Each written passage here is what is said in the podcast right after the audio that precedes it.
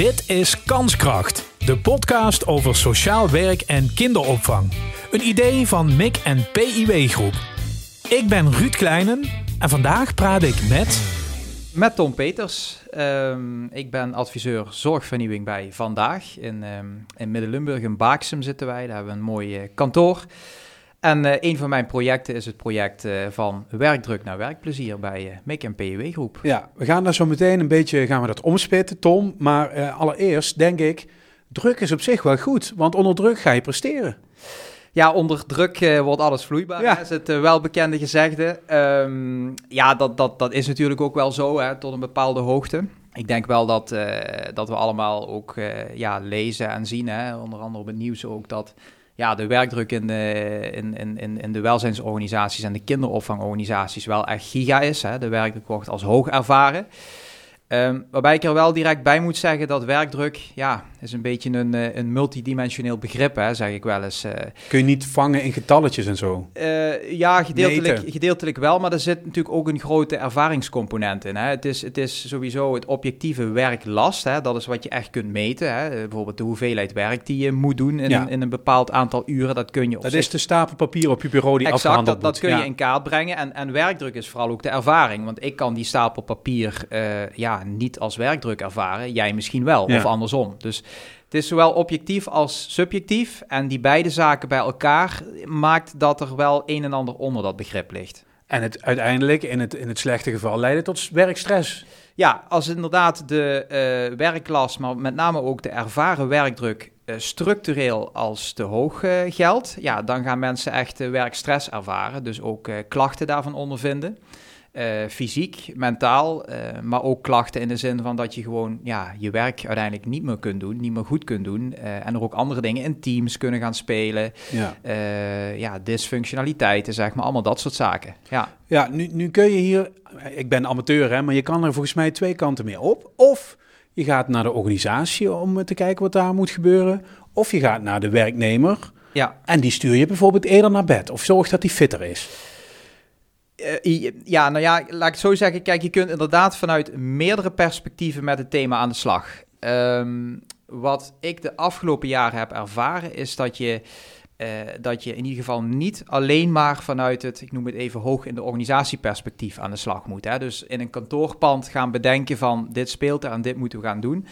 Het belangrijkste is echt om um, heel eenvoudig eigenlijk ook gewoon met de mensen waar het om gaat in contact te komen, te zijn, uh, te interacteren. Daar te vragen van, goh, hoe gaat het met je? Waar loop je nou eigenlijk tegenaan? Hè? Als ik jou gewoon die vraag stel, hè? je doet hartstikke mooi werk. Wat is nou het, het grootste knelpunt? Wat zou je het liefst uh, ja, morgen nog veranderd willen hebben om beter je werk te kunnen doen? Ja. Als je zo met de mensen in contact staat, ja, dan zie je dat, dat je en een stukje ja, begrip en nabijheid kweekt. Maar dat je ook vooral een voedingsbodem kweekt uh, van waaruit mensen zelf hun oplossingen gaan bedenken. Want wie ben ik hè, als adviseur om te zeggen wat een kinderopvangmedewerker anders of beter moet doen? Dat, maar Tom, het, klink, het klinkt zo prachtig, oplossingen samen bedenken. Ik geloof er ja. heel erg in. Maar is dit niet juist een uitnodiging om een soort bak ellende over je uitgestoten te krijgen van allerlei klachten die in meer of mindere mate met dat werk te maken hebben? Ja, ja gedeeltelijk wel. Ik bedoel, kijk, tuurlijk, hè, mensen willen spuien. Mensen willen ook kwijt wat er allemaal... Uh, ja, uh, allemaal niet goed is, wat ze slecht vinden. maar ik denk wel dat we ook in het project van, van werkdruk naar werkplezier, hè, we hebben een kompas ontwikkeld. Daar kunnen we misschien zo meteen nog wat over, over vertellen. waarbij ook heel duidelijk zijn van werkdruk heeft te maken met bepaalde randvoorwaarden. En daar heb je gedeeltelijk veel invloed op, gedeeltelijk weinig invloed. Niet alle randvoorwaarden zijn ja, goed te beïnvloeden. Hè. Denk even alles wat in de cao's is vastgelegd. Ja, dat is niet wat wij in een team uh, zelf kunnen beïnvloeden. Maar creatieve oplossingen bedenken. Hè. Bijvoorbeeld kunnen we bepaalde senioren misschien inzetten hè, in de kinderopvang. Kunnen we daar iets mee? Um, vrijwilligers. Veel is natuurlijk ook al uh, bedacht, maar veel ook nog niet. Ja, dat zijn wel dingen waar je misschien in de randvoorwaarden iets mee kunt. Maar daar wel helder over zijn. Hè. Als mensen echt spuien van, goh, ja, we hebben veel te weinig personeel. Um, dan zeg ik altijd van ja, het ligt genuanceerder. En we kunnen op dat uh, ja, teamniveau niet even een landelijk uh, vraagstuk oplossen. Daar moet je dan wel ook duidelijk over zijn. Ja. Kan je dit alleen goed van buitenaf uh, aanpakken? In feite, jullie worden ingehuurd, hè? jij in dit geval. Ja. Of kan een organisatie dit stiekem ook zelf? Um, Kijk, ik vind hem lastig te beantwoorden, omdat ik natuurlijk altijd als buitenstaander dit soort dingen doe. Maar ik denk wel dat dit ook zeker vanuit de interne organisatie zou kunnen. Uh, belangrijk is wel dat je uh, natuurlijk wel ook een bepaalde gezonde afstand kunt creëren tot de plek waar het om gaat. Uh, enerzijds dus inleven in de mensen en gewoon ja, letterlijk onder, hun, onder hen willen zijn. Maar anderzijds wel ook vanuit een afstandje er naar kijken. En ik denk wel dat een externe dat misschien wat makkelijker kan doen. Ja, simpelweg omdat je ook extern uh, bent. Ja. Ik geef jou nu even de scharnierfunctie. Hè. Dat is het een klein beetje. We hebben het net gehad over mensen die eerst willen spuien. Hartstikke logisch, want je kan een probleem aanpakken als je het benoemt. Hè. Dat ja. is gewoon zo. Neem me dan eens even mee op de weg van het spuien tot het samenkomen tot die oplossingen. Hoe, hoe gaat dat er een beetje aan toe? Ja, ja, ja, ja. Uh, misschien eerst goed om even te zeggen dat wij uh, uh, dat we in het project eh, werken met een ja, taakgroep eigenlijk. En die taakgroep die, die noemen we geen taakgroep. Wij noemen dat DA-team. Ehm, echt gewoon om even los te komen ook van ja, de, de, de stoffige termen, werkgroepen, taakgroepen, iedereen is er wel een beetje klaar mee. Wij hebben gekozen voor die E-team. Um, enerzijds omdat mensen dat kennen hè, van, van die E-team en dat leuk vinden. Maar ook omdat die A van, uh, van, van die E-team, daar zit wel degelijk iets in. Dat is de A namelijk van uh, alert organiseren, de alerte organisatie.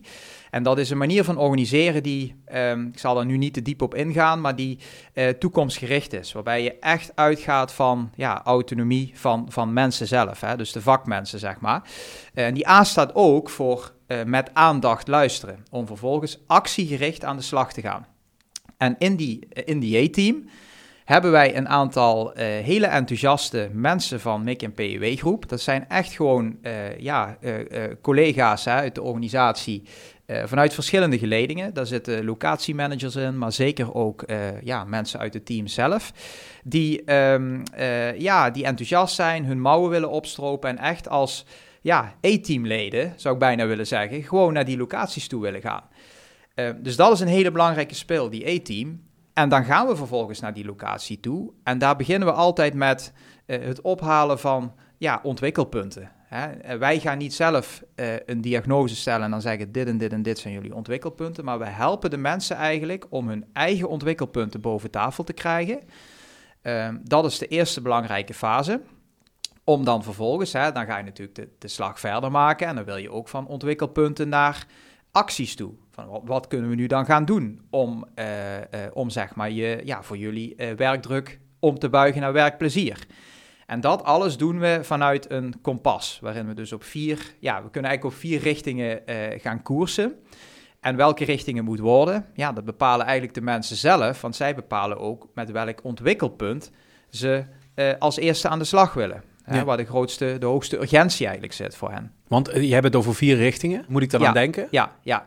Um, kijk, werkdruk hangt met heel veel dingen samen. En wij hebben eigenlijk als uh, initiatiefnemers van het project nagedacht in die E-team over de vier ja, belangrijkste richtingen waar we hier um, uh, in deze organisatie mee op kunnen gaan.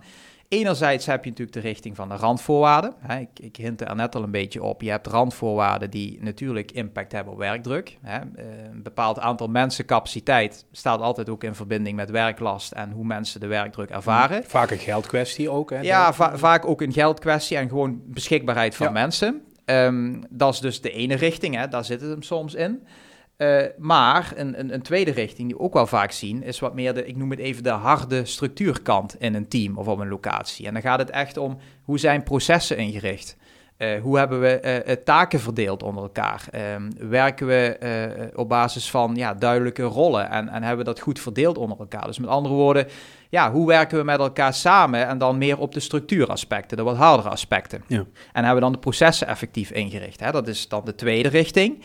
Dan heb je, als je harde kanten hebt, heb je ook vaak zachte uh, elementen. Hè? Dus dat is de derde richting. Dan heb je het echt over een stukje leiderschap, over een, stukje ja, teamontwikkeling. Hè? Willen we nog op bepaalde manieren ook ja, uh, met ons team gewoon verder? Hè? Ik bedoel, uh, teams kunnen nog, nog, soms nog wat onvolwassen zijn, omdat ze nog niet zo lang bij elkaar zijn. Dat, dat is heel normaal dat je dan allerlei ontwikkelambities kunt hebben hè? op de zachte kant. Um, daar zit natuurlijk ook een stukje samenwerken en groepsdynamica bijvoorbeeld. Hè, daar hebben we dus ook uh, ruimte uh, voor om daar, uh, daarmee aan de slag te gaan. Waarbij ik overigens met name op dat zachte element in het project nauw samenwerk met Brent Seijnen. Dat is een expert op het gebied van teamontwikkeling en, en leiderschapsontwikkeling. Um, en dan hebben we nog de vierde richting, dat is de richting van vitaliteit. En ik weet dat ook binnen, uh, binnen die richting er al heel veel speelt ook, hè, binnen de MIC PUW groep. Volgens mij ook de podcast de vorige keer. Ja. Ik heb hem even... Vitale uh, teams. Ja, precies. Hè, het gaat echt om vitaliteit.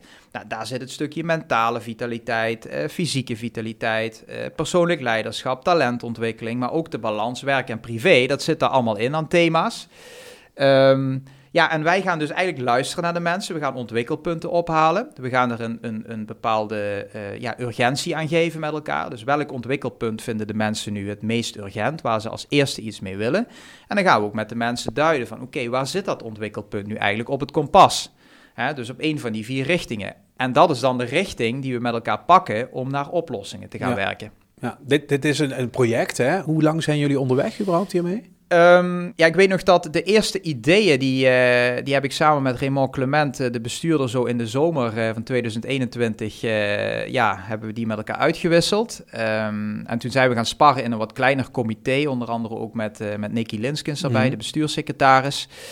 Um, en ja, even zo uit mijn hoofd, uh, dat we echt gestart zijn, is ongeveer in oktober geweest. Dat we echt met de eerste, ja, de, de, de eerste locatie ook zijn gaan praten, als het ware. Ja, want ja. Hoe, hoe, concreet, hoe gaat het? Er is een flink aantal locaties.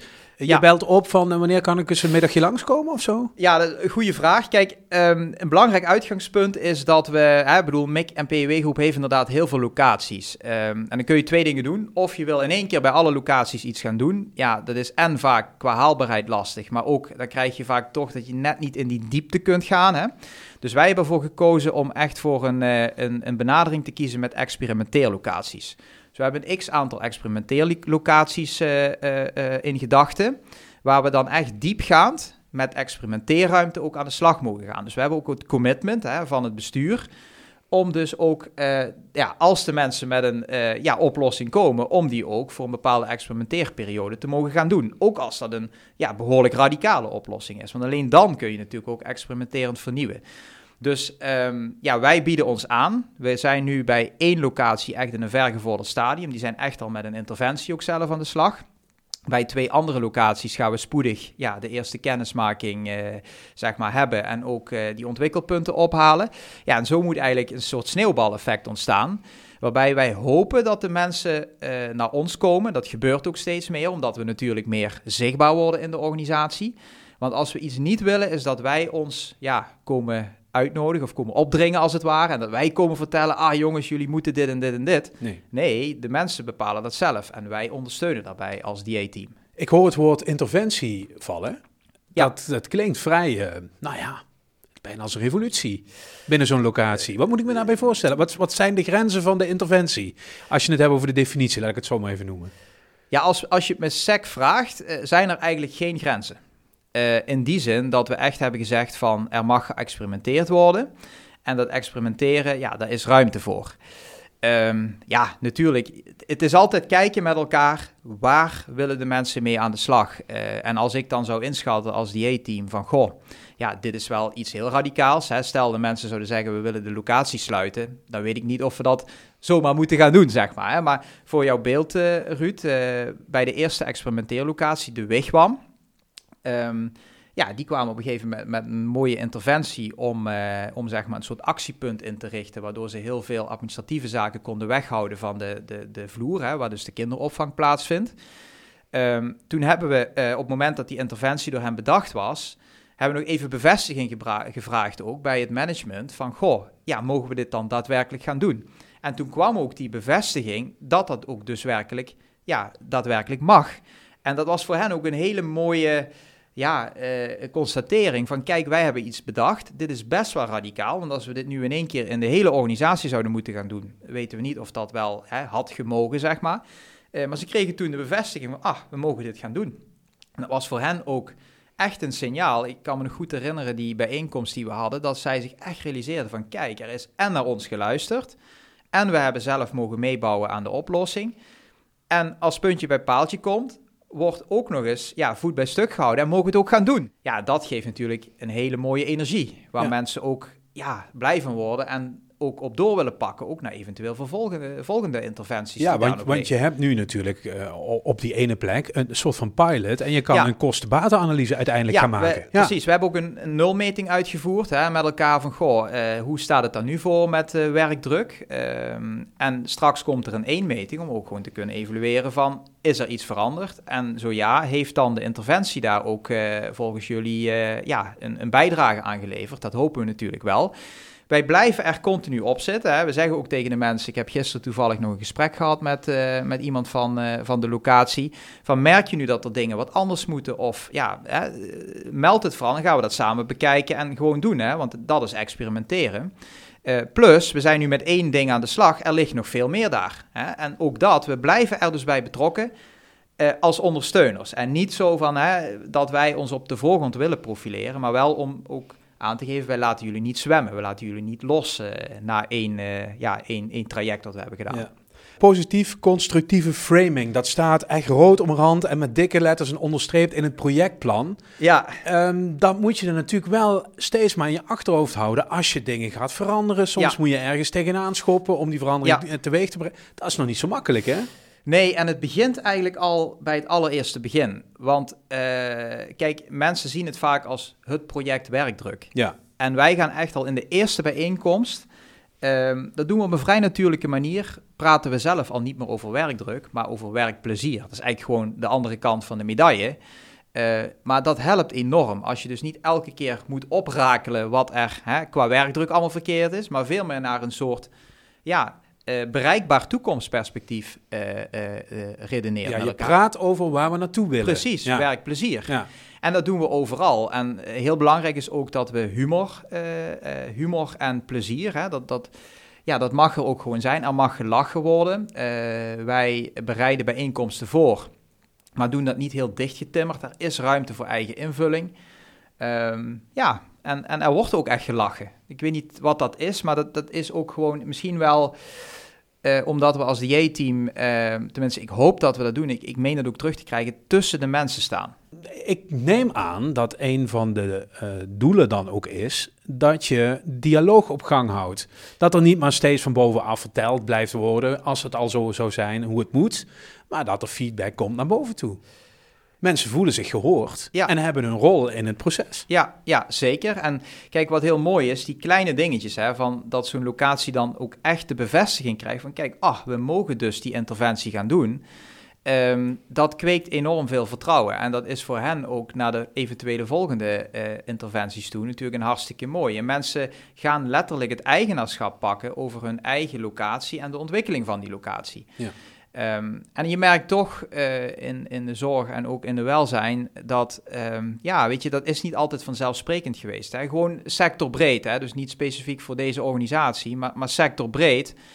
Dat mensen toch vaak ja, gewend zijn uh, geraakt aan het luisteren naar wat er van boven op ons afkomt. Mm. En dat creëert een bepaalde passiviteit. Hè? Zo van, ja, zij zullen het wel bepalen voor ons, of zij zullen het wel zeggen. En dat wil je doorbreken. Je wil dat de mensen aan zet zijn. Want zij kennen nota bene hun vak.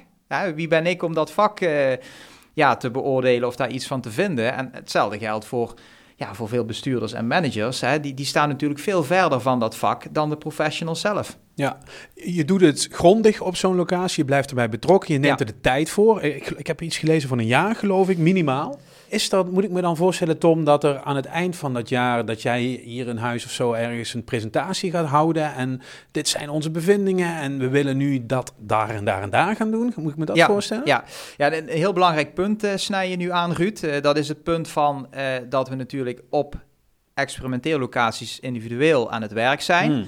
Maar dat we wel ervaringen die we opdoen daar en uh, ja, positieve resultaten ook, uh, maar ook wel negatieve resultaten misschien, en dat we die ja, toch willen delen. Hè? Dat we willen kijken, hè, als we op een andere locatie bijvoorbeeld tegen een vergelijkbaar vraagstuk aanlopen, dat we dan kunnen zeggen, hey, wacht eens even, hè? toen bij bijvoorbeeld uh, de Wigwam, hè, onze eerste experimenteerlocatie, hebben we dit en dit en dit gedaan. En dat werkte toen wel of werkte niet dus dat, dat, dat daar wel van geleerd wordt en dat we niet elke keer het hele wiel opnieuw um, um, moeten uitvinden. Wat we denk ik wel altijd opnieuw moeten doen, is dus beginnen bij contact maken en ontwikkelpunten ophalen. Maar in de interventies kunnen we natuurlijk heel veel meenemen vanuit andere locaties. En dat doen we dus ook. We hebben nog niet als dieetteam heel concreet nu uh, gezegd, hè, we gaan op dat moment bijvoorbeeld een presentatiemiddag of avond organiseren. Maar het ligt wel in de lijn der verwachting dat we op een gegeven moment ja, echt gewoon uh, breed in de organisatie gaan kijken van wat hebben we nu meer hè, uitzoomend allemaal opgehaald. En wat is positief, wat is minder positief, waar gaan we mee door en waarmee zeker niet.